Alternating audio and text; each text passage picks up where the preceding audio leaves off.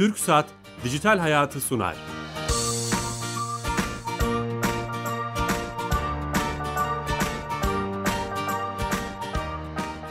Dijital Hayat'a hoş geldiniz. Her cuma TRT Radyo 1 mikrofonlarında e, teknoloji, internet ve sosyal medyanın hayatımıza etkilerini konuşuyoruz. Hayatımızı nasıl etkilediğini konuşuyoruz. Bugün çok değerli bir konuğum var. E, aslında sabırsızlanıyorum. Hemen sizi tanıştırmak istiyorum. E, değerli gazeteci, yönetici, büyük tecrübesi olan adeta bu konuda bence e, kendisini de takip ettiğim için üstad sayılabilecek Kemal Öztürk Bey ile beraberiz. Kemal Bey hoş geldiniz. Hoş bulduk, teşekkür ederim. Ee, şu an Yeni Şafak'ta yazıyorsunuz. Ee, onu da duyurmakta fayda var. Dinleyicilerimiz sizi takip etsinler. Edenler de var. O, orada hem bizim konularımızla da ilgili yazıyorsunuz. Ee, işte 90 haftadır program yapıyoruz. Dijitalle ilgili. Onları da soracağım. Ama öncesinde bizim sponsorumuz TürkSat. TürkSat'a bağlanıyoruz. Ee, orada e, e-devleti yaptığı için TürkSat hayatımızı kolaylaştıran bir servisi bize anlatıyor oradaki arkadaş. Her hafta farklı bir servisi. Ee, Sami Yenice uzman direktör arkadaşımız. Sami Bey. Bilal Bey iyi yayınlar. Teşekkürler. Nasılsınız? Teşekkür ederim. Çok sağ olun. Sizler de iyisiniz. Sağ olun. Bugün hangi servisi anlatacaksınız? Evet bu hafta sizlere E-Devlet kapısında engelliler için neler yaptığımızdan bahsetmek istiyorum biraz. Süper. Ee, kapısı aracılığıyla sunulan bilgi ve hizmetlerin mümkün olan en geniş kitleye sunulabilmesi ve erişilebilirliğinin tüm vatandaşlarımız kapsayabilmesi en önemli hedeflerimizden bir tanesi. Ee, bu anlamda E-Devlet kapısının engellilerin de kolayca kullanılabilmesini sağlayacak ilgili uluslararası kabul görmüş teknik standartlar var. Bunlara uyum gösterecek tasarım özelliklerine sahip olduğunu söyleyebilirim E-Devlet kapısının. Hı. Kapı tasarımında e, ve geliştirilen hizmetlerde, entegre ettiğimiz hizmetlerde engellilerin de hizmette kolaylıkla erişimi göz önünde bulunduruluyor. E, kullanılabilirlik ve erişebilirlik standartlarına uyum için gerekli tüm çalışmaları yapıyoruz. E, bunun yanında Türkiye'de yaklaşık 3 milyon işitme engelli bulunmakta. E-Devlet Kapısı hizmetlerinden daha etkin yararlanmaları amacıyla E-Devlet Kapısı Engel Yok projesini hayata geçirdik geçtiğimiz aylarda. Bu proje kapsamında işitme engellilere e, yazılı ve işaret diliyle görüntülü hizmet e, verebiliyoruz. Bu bir çağrı merkezi. Çok iyi. E, söz konusu çağrı merkezinde işaret dili bilen operatörlerimiz çalışmakta ve e, yazı veya işaret diliyle karşılıklı görüntülü canlı destek ortamı üzerinden kullanıcılarımıza, vatandaşlarımıza destek oluyoruz. Çok önemli bu. Çünkü e, engelli vatandaşların da bu hizmetlere e, ulaşması için çok önemli. E, bu anlamda ben teşekkür ediyorum. Ben teşekkür ederim. Tüm ekibe selamlar. Tabii ki sağ olun. Sağ olun kolay gelsin. Evet TürkSat'a da bağlandık. Engelliler için e, web sitelerinde yaptıkları, e-devlet üzerinde yaptıkları hizmetleri anlattılar. Bugün konumuz internet medyası. E, e, internet medyasının Türkiye'deki durumu, dünyadaki durumu, daha e, e, daha önemlisi hep şu tartışma var ya hani internet geldi medya ile bir imtihanı var. Basılı gazetecilik, yazılı gazetecilik, geleneksel gazetecilikte e, böyle bir e, şey var. Hatta kuliste de konuşuyorduk. İşte Musul'dan 2-3 gündür Facebook üzerinden canlı yayın yapıyorlar savaşı. Onun üstünde emojiler atıyorsunuz, yorum yapıyorsunuz. Korkunç bir farklı bir alana gidiyor. Siz de bu konuda yazılar yazıyorsunuz. Böyle başlamak isterim. Böyle bir imtihan var mı gerçekten? Şimdi e, sanayi devrimini e, İslam dünyası kaçırdı. Osmanlı da kaçırdı. Bugün sanayi devrimini anlamayan, sanayi devrimini kaçıran ve o nedenle de bizim geri kalmamıza neden olan devlet yöneticilerine, aydınlara, entelektüellere, bilim adamlarına serzenişte bulunuyoruz. Neden olayı anlamadılar diye. Şu anda sanayi devriminden daha büyük, daha etkili ve daha e, hayatımızı derinden etkileyebilecek bir devrimin daha içindeyiz aslında. Ona da dijital devrim deniyor. Kaçırmadık. Bana göre kaçırmak üzereyiz. Üzereyiz. Eğer biz bu devrimi de kaçırırsak Batı ile aramızda şu ana bir yüz yıldan e, bir farktan bahsediliyor. Bu farkı torunlarımız, torunlarımızın çocukları hiçbir zaman kapatamayacak. buna en çarpıcı şöyle örnek veriyorum ve insanlar o zaman uyanıyorlar. Damarlarımızın içinde dolaşan bir denizaltı yaptı Amerikalılar. Bu damarın içerisine bu denizaltı giriyor, içinde yüzüyor ve kolesterol nedeniyle birikmiş yağ dağlarını torpidoyla patlatıyor. Şimdi böyle deyince insanlar anlamıyor. Ya, denizaltı, torpido falan. Yani nanoteknolojiden bahsediyor. Evet. Nanoteknolojiyle üretilmiş bu robotlar beyin kılcal damarlarındaki tıkanıklıkları gerçekten de gideriyor şu anda. Buna karşın İslam dünyası ne yapıyor? Sanayi tüpünden bozma füzeler yapıp diğer Müslüman kardeşlerini öldürüyorlar. Aramızda böyle bir fark var. 2016 yılında Amerika'da Yale Üniversitesi'nde nanoteknolojiyle kalp krizini önleyecek denizaltılar yapılıyor. Ama aynı tarihte Suriye'de, Irak'ta hatta Türkiye'nin güneydoğusunda tüplerden bozma bombalar yapıp yolları patlatıyorlar. insan öldürüyorlar. Ve bir devrim gerçekleşiyor bir yandan da. O nedenle e, gelecek kuşaklar bizim kadar e, e, nazik olmayacaklar bizden bahsederken. Çok kötü bahsedecekler bizden. Çünkü bu devrimi kaçırmak bizim için bir sorun değil. Bizim çocuklarımız ve torunlarımız için asıl sorun. Onlar çünkü köleleştirilmiş olacaklar bu devrimi kaçırdığımızda. Evet siz aslında hani ben medyayı sordum siz tüm hayatı Tabii. e, perspektifte bakmış oldunuz. hayatımızdaki kullandığımız cep telefonundan arabaya, buzdolabından e, televizyona, e, insan ilişki biçiminden eğitime kadar her şeyi etkileyen bir şey bu devrim. Sanayi devrimi öyle değildi. Bir çelik, e, bir demir, e, bir e, kimya üzerineydi. Bu devrim daha ürkütücü. Yani ko- kolunuzdaki saat, efendim cebinizdeki kredi kartı, e, evinizin camı yani her şeyi etkiliyor şu anda. Düşünün ki bir buzdolabı yaptılar. Buzdolabı sizin cep telefonunuza mesaj e, saatinize mesaj gönderiyor. Domates bozuldu. Evet. Domates sipariş vereyim mi? Ver diyorsun. O da süpermarkete sipariş yolluyor. 3 kilo domates, 2 kilo kabak. Bunu bir buzdolabı yapıyor yani. Bu, bunlar bu buzdolapları da satılıyor şu anda. Tabii şu anda hayattalar yani. Şimdi e, Hawking dün e, Bir açıklama yaptı. yaptı bu yapay zekanın gelişmesiyle ilgili. E, şu anda teknoloji şirketleri, devletler en çok buna bütçe arıyor. Yapay zekaya bütçe ayırıyor yani. Öğrenilebilir zeka. Bu Kendini e, geliştiren. bu zeka üzerine çok büyük paralar harcarken biz ise araba lastiği yapma fabrikası peşindeyiz. Ya da arabanın kendisini yapmak için büyük bir olay olarak görüyoruz. Evet.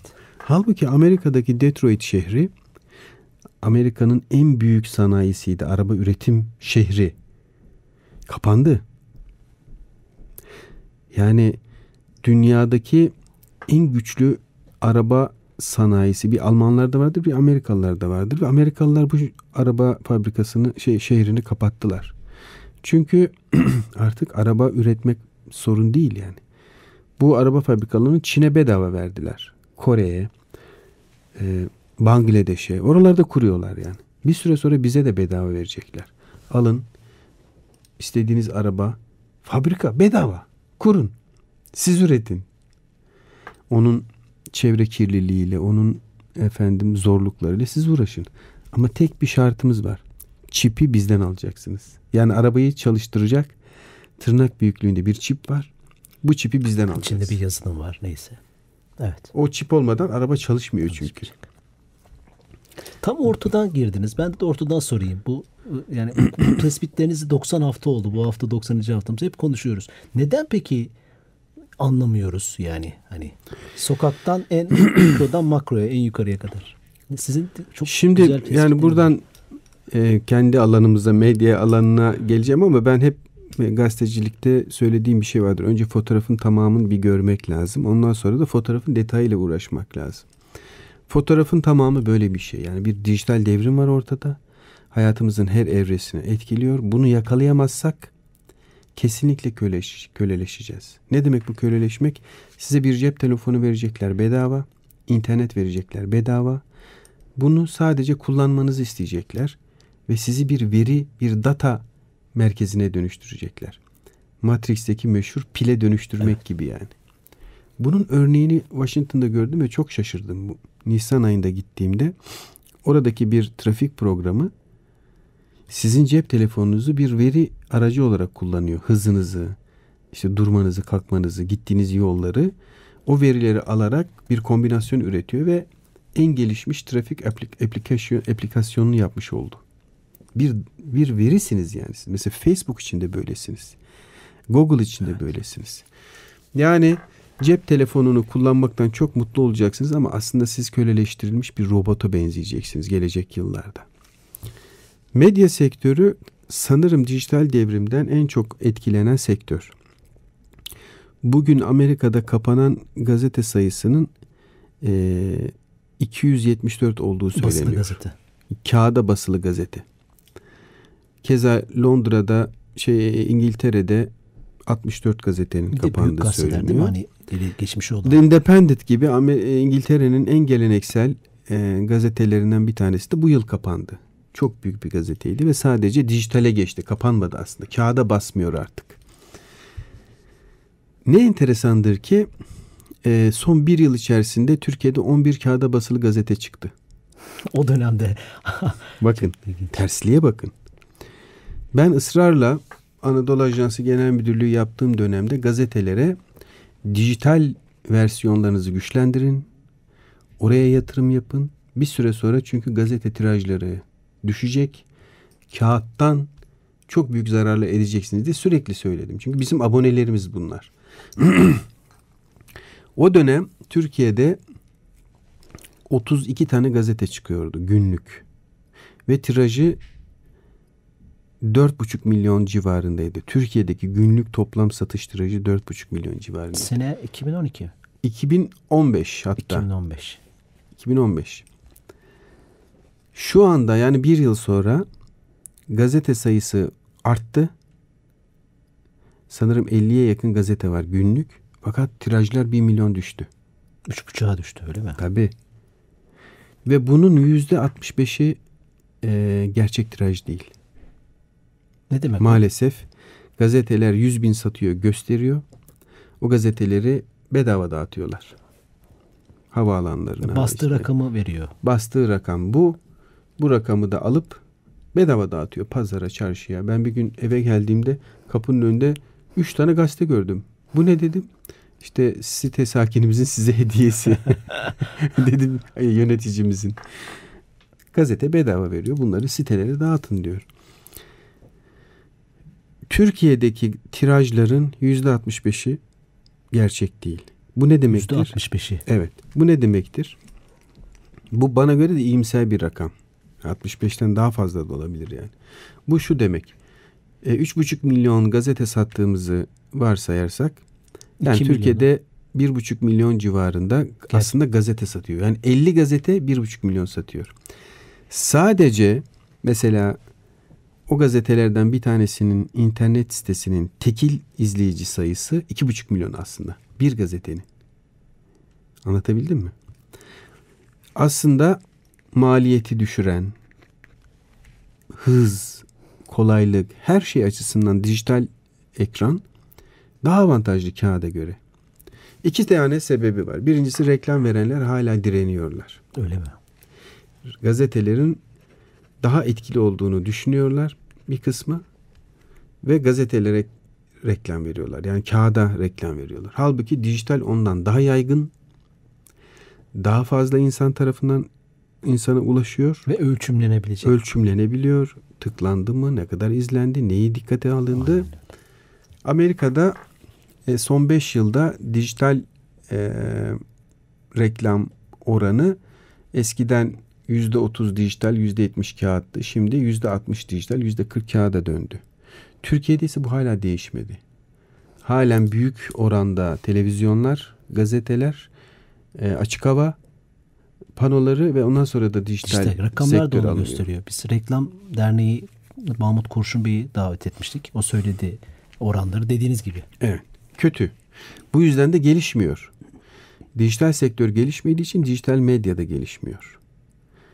E, dijital medyanın gelişmemesinin birinci sebebi budur. Kaynak yok. İnsanlar buraya reklam verirken e, 3 liraya veriyorsa gazeteye 15 liraya veriyor aslında. E, diğer bir sorun güvenirlilik sorunu. Gazeteler çok sık haber girmek zorunda hissettiği için daha doğrusu internet medyası e, haberin güvenirliliğini kontrol etmeden sürekli haber giriyor ve dolayısıyla çok yanlış haber. Ama haber de akıyor yani aslında kaynak da var. Hani E, tabii üretmek için. ajanslardan ajanslardan alırsanız e, haber sorunu yok ama dikkat çekmek, tık almak, işte trafik meydana getirmek e, bu gibi gerekçelerle e, bazen asılsız haber, sansasyonel haber, spekülatif haberleri de giriyorlar. Bu onların güvenilirliklerini zedeliyor aslında. Kısa süreli tık alıyor ama uzun vadede onun güvenilirliğini kaybediyor. Bu konuda dünyadaki en iyi örnek The Huffington Post gazetesidir. Huffington Post bir dijital gazetedir. Online ve kağıda basılmayan bir gazete. Bu Ariana Huffington isminde bir Yunan kökenli Amerikan vatandaşı tarafından kuruldu. Ve kurulduğu günden 4 yıl boyunca 20 milyon dolar para harcadı bu projeye. Ve Washington Post gazetesi bir makale yayınladı. Bu kadar komik bir proje olabilir mi diye. Yani online gazetenin kağıda basılı gazeteyi geçmesi imkansız. Buna niye bu kadar para yatırıyor diye alay eden bir makale yayınladı. O makaleden bir yıl sonra Washington Post'un da sahibi olan Amerikan online şirketi The Huffington Post'u 351 milyon dolara satın aldı. Satın aldı evet. Akıl alacak iş mi? Bakın 20 milyon dolar harcamış 350 milyon dolara satmış. Aslında ekonomik olarak ve O yatırım başarıyı nasıl sağladı? Hani güvenilirliği vesaire. Bunun tik noktası ne Ee, acaba? onun bir sürü sebebi var. Yani gazetecilik e, refleksleri, işte bloggerları kullanması, ısrar etmesi, e, çabuk ulaşılabilir olması, estetik olması bir sürü sebebi var ama e, o gazetede bir haber çıktığında bizdeki gibi ya burada çıktı ama doğru mu değil mi bir bakalım demiyor kimse. Yani Huffing, online Huffington Post'a çıktı bu. Haber oluyor yani bir gazete gibi algılıyor. Anladım. Ve şu anda tahmin ediyorum yazının bulunmasından bu yana okunan metinler, kağıt metinler içerisinde Huffington Post kadar okunan başka bir araç olmadı. Çok yani. ilginç. Mesela en çok satan gazete Japonya'dadır. 13 milyon günlük tirajları vardır. Huffington Post 100 milyon okunuyor. Düşünebiliyor musun? 100 milyon insan. Akıl alacak gibi değil. 100 milyon. Ben de takip ediyorum sosyal medyadan. Etmeye Çok çalışıyorum. büyük bir olay. Çok büyük bir olay. Ya bu bütün medyanın argümanlarını ve paradigmalarını değiştiren bir olay. Ve 11 dilde yayın yapmaya başladılar. Şimdi bunu görmeden, bunu anlamadan ve bunu fark etmeden Türkiye'de hala kağıda basılı gazeteler çıkıyor. Sebebi ne biliyor musunuz? Basın ilan kurumu Türkiye'de belirli bir tirajın üstündeki gazetelere otomatik ilan verir. Herkes o ilandan para almak için tirajını işte 100 bin gösterir, 50 bin gösterir. Orada bir kaynak 300 var. bin yani. gösterir. Çünkü devlet ilan parası veriyor. O gazete, o ilanlar kesilirse, yani devletin verdiği ilanlar kesilirse şu anda 50'ye yakın gazetenin 30 tanesi kapanır. Çok büyük. Evet. Onunla geçiniyorlar. Onunla açıklarını kapatıyorlar. Ama önümüzdeki yıllarda ben e, birçok gazetenin kapanacağını, e, o ilanlar devam etse bile kapanacağını düşünüyorum. Sürdürülebilir bir şey değil bu. O, Hepsi o dijitale vermiyor mu peki? O rakamı Hayır. Vermiyor mu? Sadece Basın ilan basın. kurumu oraya bir ara öyle bir gündeme geldi. Oraya da versinler diye ama vermediler. Fakat e, yerel medyayı da destekliyor basın ilan kurumu. Ben basın ilan kurumu yönetim kurulu üyeliği de yaptım. Ben bu kaynağı İçi de kesmekten yanaydım aslında. yani. Ha, Neden? Çünkü e, bu sübvanse bize nitelikli gazeteci yetiştirmedi. Yetiştirmiyor mesela. Yerel medyadan çıkıp şöhret olan gazeteci yerel medyadan gelip ulusal olan sonra da uluslararası olan bir gazete yok. Bir tek Yeni Asır gazetesi, bölge gazetesiydi o da. Sabah gazetesine dönüştü. Yani sabah gazetesini doğurdu. Başka da bir örneği yok. Türkiye'de 3500 tane yerel gazete var. Ee, bunların hepsi global bir medya e, bakış açısıyla değerlendirilmesi gerekiyor. Kaçırıyoruz yani. Ama bunu yaparken de o sizin hani büyük fotoğrafı görmek, dijital farkındalık Tabii. mı diyeceğiz bunu artık Evet, ne diyeceksek. Yani ben medya e, patronlarına şaşırıyorum yani hala kağıda yatırım yapmak, hala konvansiyonel medya araçlarına yatırım yapmak. Yani televizyonda stüdyo kurmak. Halbuki medya teknolojisine yatırım yapmak gerekiyor. Yani artık bitirdi mesela hani 1 milyon dolarlık canlı yayın cihazları bitti artık. Çünkü niye Skype'tan canlı yayın yapabilirsin, Facebook. Periskop'tan yaparsın, Facebook'tan yaparsın. Bitti birden yani. Ucuzladı. Her şey çok ucuzladı. Teknoloji çok ucuzladı. Şimdi bunu yapıp neden sahadan yayın yapmıyorsunuz? Yani ben o gazetecilere soruyorum. Ben bir köşe yazarıyım. Genel müdürlük yapmış birisiyim. Genel müdürken de gittim ben Halep'e, Gazze'ye, Mısır'a, savaşın ortasına. Sahaya inerseniz gazetecilik yaparsınız. İnin sahaya, elinizde bir iPhone, oradan canlı yayın yapabilirsiniz Siz artık. geçen hafta oradaydınız. Çok Evet. aslında orada mesela bu konuyla ilgili bir tecrübe, bir şey Yani paylaşımı oldu mu? Yabancı televizyonlar ellerinde bir James Bond çantası kadar bir çantayla istedikleri yerden uydu aracılığıyla yayın yapıyorlar. Bir çanta yani sırtına koyuyor. Sırtına istediği yerden cepheden yayın yapıyor yani. Çok kolay. Ama niye sahaya indirmiyorlar muhabirlerini? Çünkü çok eee, ucuza mal etmek istiyorlar yayınlarını. Televizyonculuğu. Ajanstan haberleri al, görüntüyü ajanstan al. Üstüne iki tane VTR yap. Akşam da beş kişi çağır tar- tartışma programı yap. Ben televizyoncu oldum. Yani şimdi bu mu? Bir bakın günlük yayın yapan televizyonlara bir tane marka program yok. Dikkat çeken, teknolojiyi kullanan, dünyanın her yerinden haber akışı yapan falan. E, sektör kötü durumda yani. Ben bunu medya, internet medyasıyla aşılabileceğine inanıyorum. Yani teknoloji ve medya iç içe geçmiş durumda. Teknoloji mi daha önemli habercilikte artık bunu tartışıyoruz biz yani. Aslında medya, İç içe girmiş şey, durumda yani. Ben de gözlemleyip yakın durmaya çalışıyorum. Gazetelerin içinde dijital departmanlar oluşturuldu gibi. Evet. Birimler, içerik üreticiler, tasarımcılar ama daha gidecek yolumuz var gibi. Yani onlar sanki bir yedekte duran e, lastik gibiler yani ana sahaya girmiyorlar gibi. Ağırlık merkezi neresi? Merkez değil evet. Bakın bu çok önemli bir kavramdır. Ağırlık merkezini anlamak. Siyasette de bu böyledir. Bugün gündemin ağırlık merkezi nedir siyasette? Onu algılayıp onunla ilgili konuşursanız siyasette etki edersiniz. Köşe yazarısınız, gazetecisiniz, spikersiniz, sunucusunuz. Gündemin ağırlık merkezi neresi? Şimdi teknoloji ve medya ilişkilerinin ağırlık merkezi neresi? Yani ona vurgu yapacaksınız, ona yatırım yapacaksınız. Ben ısrarla medya teknolojileri üretilmesinden yanayım. Türkiye'ye özgü medya araçları üretmekten yanayım ve gazetelerin internet departmanlarını kağıt departmanından daha fazla daha güçlü olması Daha güçlü olması yanayım. lazım. Bu da yöneticiyle ilgili belki. Evet. Yani yönetici bu kafada olursa Evet. siz o yönetici profilini görmüyorsunuz şu an. Maalesef. kadarıyla. Maalesef. Hiç umut ışığı yok mu? Var tabii ki. Yani olmaz mı? Yani bu sürdürülebilir bir şey değil ki. Bu yayın yönetmenlerinin efendim yöneticilerinin e, vizyonu olmayanlar bir süre sonra çekilecekler piyasadan, sahadan. Mecburlar yani.